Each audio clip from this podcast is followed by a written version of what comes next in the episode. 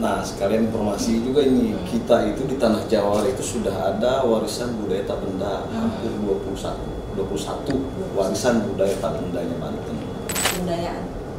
Jadi kalau saya nitip ke adik-adik SMA ya, terutama SMA di situ ada seni budaya, pentingnya seni budaya itu ya sangat berguna karena nanti adik-adik semua setelah lulus akan akan tersebar ke daerah-daerah mana tanpa menghilangkan harapan kami tanpa menghilangkan identitas Banten sendiri.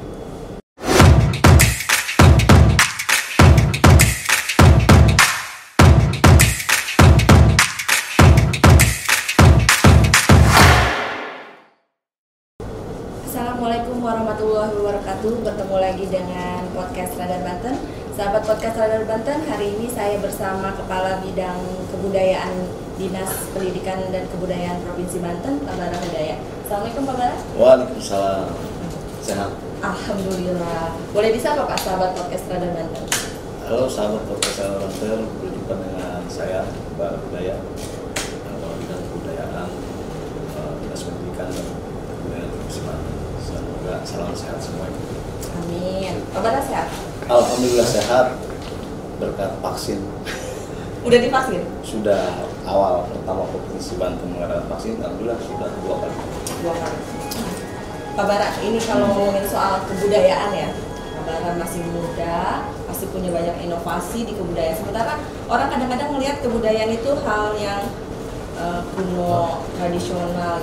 Sebenarnya kayak gimana sih kalau kebudayaan di Banten tuh? ya sebetulnya sebagaimana kita ketahui Banten itu banyak kebudayaan banyak sekali kebudayaan-kebudayaan yang ada di provinsi Banten dari zaman Kesultanan juga masih ada Hmm. tradisi-tradisi lokal yang yang zaman Kesultanan ada yang masih bertahan sampai sekarang. Nah karena fungsinya ada kebudayaan ya saya itu hanya melestarikan pengembangan dan pemanfaatan kebudayaan. Kalau melihat kebudayaan secara luas memang luas sekali. Hmm. ada 10 objek kebudayaan apa objek kemajuan kebudayaan yang ada di undang-undang banyak sekali ada ritus terus permainan tradisional Hmm. sampai seni macam-macam segala macam tentang kebudayaan. Nah ini kan PR ya, Ya. saat ini. Kalau melihat kondisi sekarang Hmm. di kebudayaan khususnya dinas pendidikan kebudayaan memang banyak PR sekali. Pertama dari perda-perda juga kita belum eh, informasi ini Hmm. sebagai informasi saja kita memang kekurangan perda objek kemajuan kebudayaan. Hmm. Alhamdulillah eh, dari Bapak Dewan kemarin baru diskusi perda cagar budaya.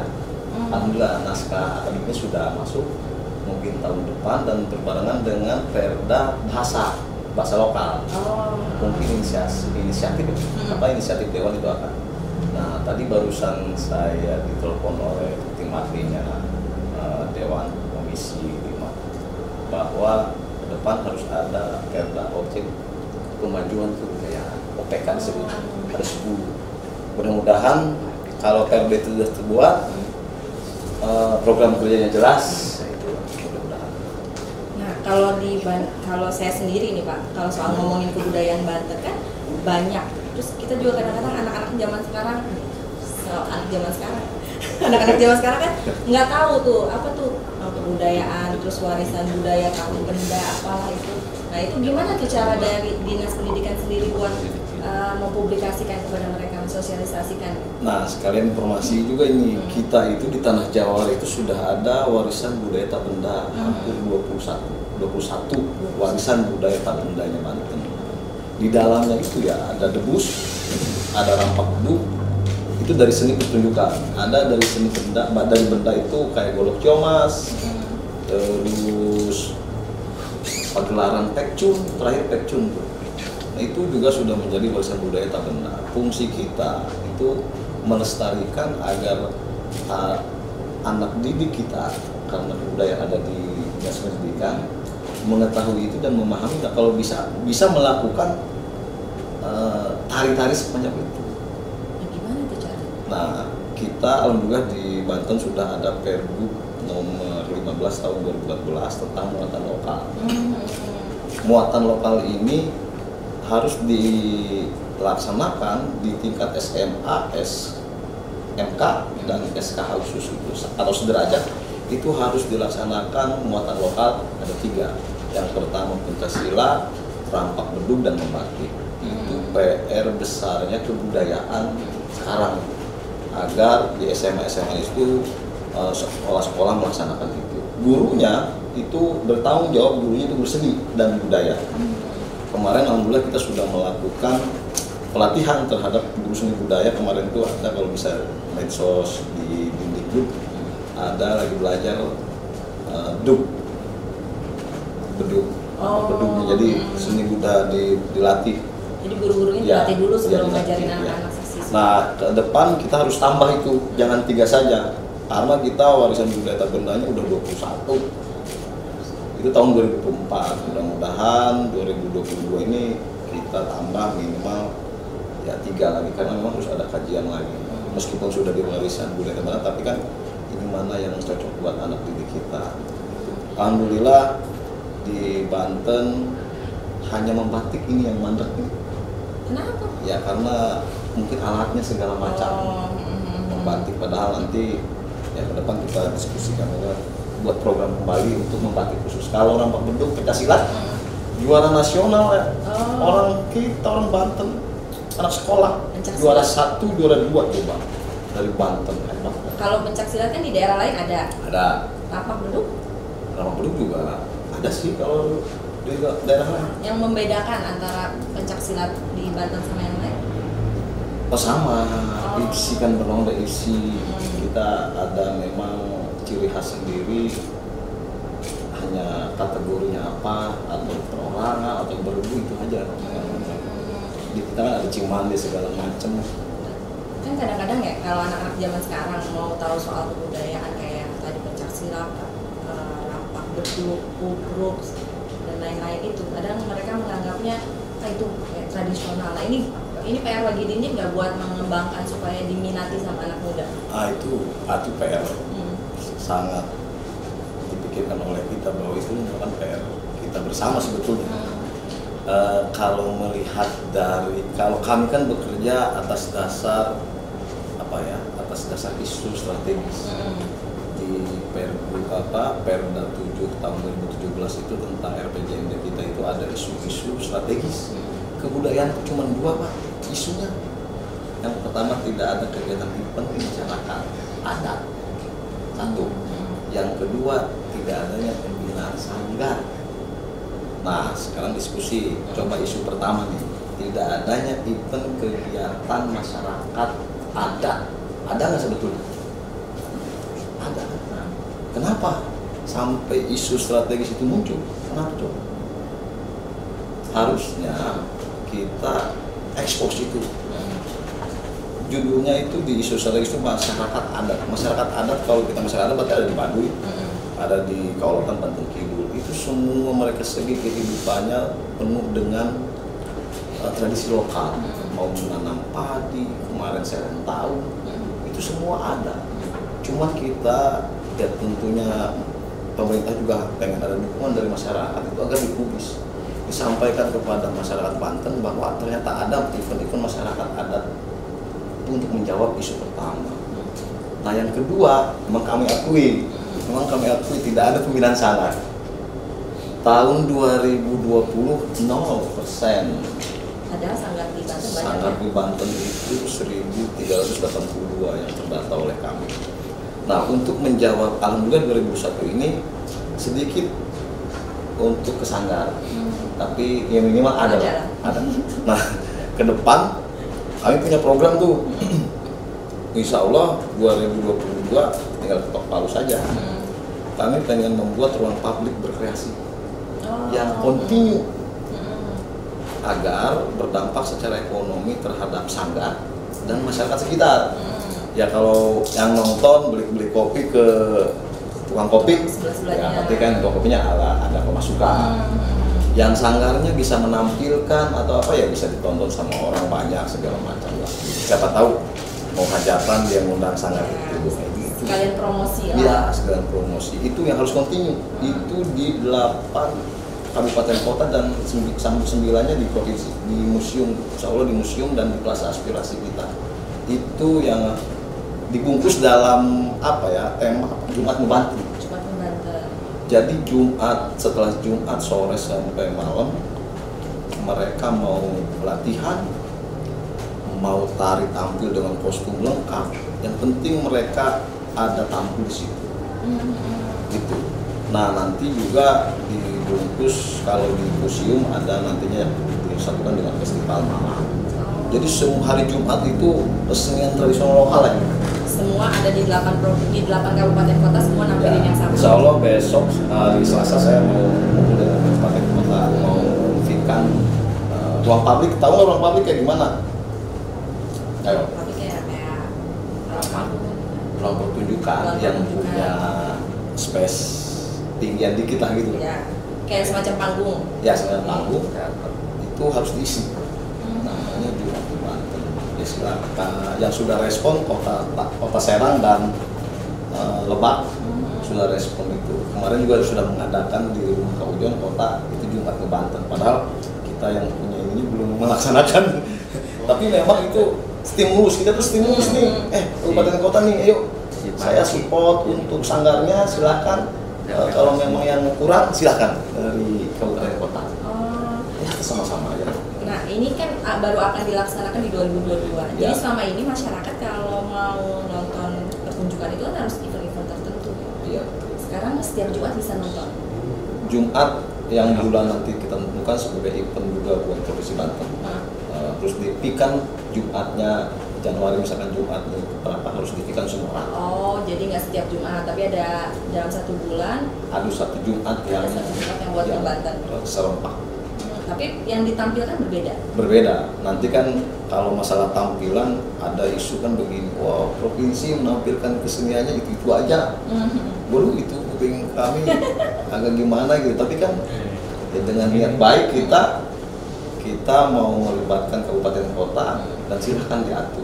Kalau itu sanggar-sanggarnya apa pas kalau bahasa Banten pas ini ya kita stop udah gitu aja udah yang penting eh, ruang publik berkreasi yang kontinu itu ada dan masyarakat mengetahui dan menjadikan event buat provinsi Banten Mereka juga bisa, masyarakat juga bisa belajar di situ. Oh ya bisa. Nanti kata saya tadi kan mau dia latihan, mau dia pertunjukan, itu kan di Jumat misalkan jam 3 mulai sampai maghrib kan udah tiga jam.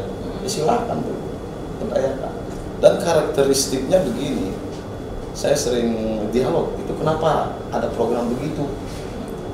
Saya mendatangi seniman budayawan. Saya kamu tantang, emang kami harus bagaimana sebagai pemerintah? ya akhirnya sanggarnya so program bapak dulu bagaimana saya sampaikan begitu mereka welcome oke pak kami tunggu Karena selama ini sanggar-sanggar selama pandemi ya terutama itu Iya. memang agak sangat sangat kasihan lah oh nggak bisa ya. pertunjukan. udah dijadwalkan oh yang boleh batal kan protesnya bukan protes ngeluhnya kan ke kita Curhatnya ya. curhatnya ke kita itulah sekelumit untuk 2022 kita doakan kita dukung bersama Hmm. program ini mudah-mudahan ada efeknya secara ekonomi ya Ya. secara dengan dari sanggar dan masyarakat sekitar Jadi bisa juga mendatangkan nanti masyarakat dari luar Banten. bisa bisa Hmm. nanti insya Allah kita juga ada pekan kebudayaan daerah Nah Pak, ini yang suka jadi PR ya, ini yang suka menjadi pertanyaan Apa saya tuh. Kalau event-event di daerah lain, mereka punya tanggal tertentu mau nampilkan ini. Kenapa di Banten tuh nggak ada? itu belum Oh belum, bukan yang nggak ada. ya? belum karena memang selama 2020 pak awal pandemi Mm-mm. ya kita kita cooling down dulu lah kalau bahasa kita Hmm. kita Tapi- bisa tidak bisa melakukan apa-apa Ada rencana mau bikin ada itu? rencana jadi begini ke depan kebudayaan ya mela- kalau melaksanakan kegiatan itu harus berkolaborasi dengan komunitas. Mm-mm. ke depan Banten kalau mengadakan acara dari A sampai Z itu kemungkinan tidak mungkin. Karena membutuhkan anggaran yang sangat besar. Iya. kami mengajak komunitas-komunitas dari seni tari, komunitas wayang golek, komunitas ubruk segala macam. Ayo kita bangun. Nanti ke depan 2020 ada piala gubernur tentang rapak bedu tingkat SMA SMA dulu dah itu, karena itu salah satu pak yang melestarikan Iya, ya? salah satu melestarikan kita juga SMA dulu ya karena Ah. kita kan sasarannya SMA dulu Iya. nih nanti rapat penduduk tingkat masyarakat apa umum Mhm. nanti pancasila nanti apalagi gudruk atau apalagi kita bertahap untuk 2002 mudah-mudahan corona sudah pergi Hmm. mudah-mudahan tidak ada lagi nah ke depan juga ada event nanti batas seni Iya. Meta seni tanggal 8 ya. tanggal 8. Itu juga menampilkan sama ya. itu menampilkan kita tampilkan itu yang sudah menjadi urusan budaya tak benda karena Kementerian Dirjen Kebudayaan itu selalu menyurati kami agar itu ditampilkan. Kemarin baru selesai maestro ludak karena ludak juga sudah masuk ke budaya benda Nah, kita kan nanti kita tampilkan. Debus apalagi rapat beduk apalagi satu lagi itu benar Pak terakhir, kalau em, ajakan Bapak sendiri nih untuk eh, anak muda terutama ya, anak muda Banten supaya mau belajar kebudayaan, apa sih pentingnya gitu sehingga mereka harus belajar kebudayaan? jadi kalau saya nitip ke adik-adik SMA ya terutama SMA di situ ada seni budaya pentingnya seni budaya itu ya sangat berguna karena nanti adik-adik semua setelah lulus akan akan tersebar ke daerah-daerah mana tanpa menghilangkan harapan kami tanpa menghilangkan identitas Banten sendiri jangan juga bisa debus jangan misalkan tapi minimal mengetahui tentang kearifan lokal daerahnya sendiri kapan lagi kalau bukan adik-adik Ya. takutnya punah debus nggak ada penerus kan lucu debus Banten terkenal debus Ya. tapi nggak ada pe- Nggak ada penerusnya. nggak ada penerus ibu ini juga harus belajar terus nanti Ya, silahkan Saya eh, cukup jadi host aja ya. nanti saya tarik nanti biar ke panggung. Tapi Pak emang suka berhubungan dengan mistis? kalau diceritain banyak lama ini. Oh lama ya. ada ada hitam ada putih nanti. Nanti aja itu mah bisa khusus ya, khusus. khususnya. Jadi nanti kapan-kapan kita undang lagi Pak Bara buat buat cerita apakah di balik kebudayaan Banten itu ada mistis. Karena pasti kalau ke- kita ke mana-mana dari Banten ya, iya harus bisa. Minimal silat. Bukan pasti dibilangnya jago nih, iya anti eh kebal, iya. Segala macam pasti dibilang. kalau ada orang kesurupan pasti manggil orang Banten bingung jadi jadi gitu yang kealamin oleh saya saya kan mahasiswa segala Hmm. macam itu Banten ya. Disangkanya bisa silat bisa debus tapi lama saya bisa. Oh, makan semprong air keras itu paku itu Bisa, dulu bisa dulu. Tapi sekarang udah camal kalau menurut saya jadi pantas ya jadi kabit kebudayaan.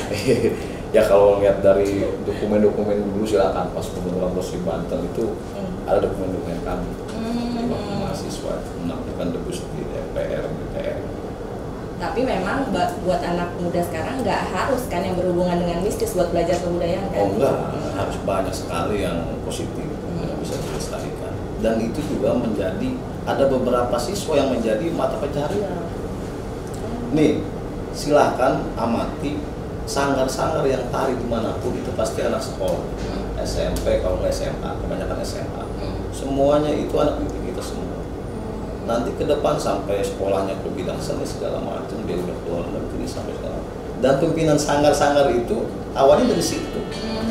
gitu Oke, menarik sekali. Nanti kita sambung lagi ngobrol-ngobrol sama Pak Bara. Semoga program Jumat Ngebanten Iya, itu bisa terlaksana tahun depan sehingga masyarakat Banten bisa menyaksikan, melestarikan, mengembangkan dan memanfaatkan kebudayaan. Oke, siap. Makasih banyak Pak Bara atas waktunya. iya sama-sama Ibu Ina Semoga sehat selalu. amin sehat Sahabat selalu juga podcast Radar Banten jangan lupa di like, di subscribe dan di komen. Oke, saya undur diri. Assalamualaikum warahmatullahi wabarakatuh. Assalamualaikum warahmatullahi wabarakatuh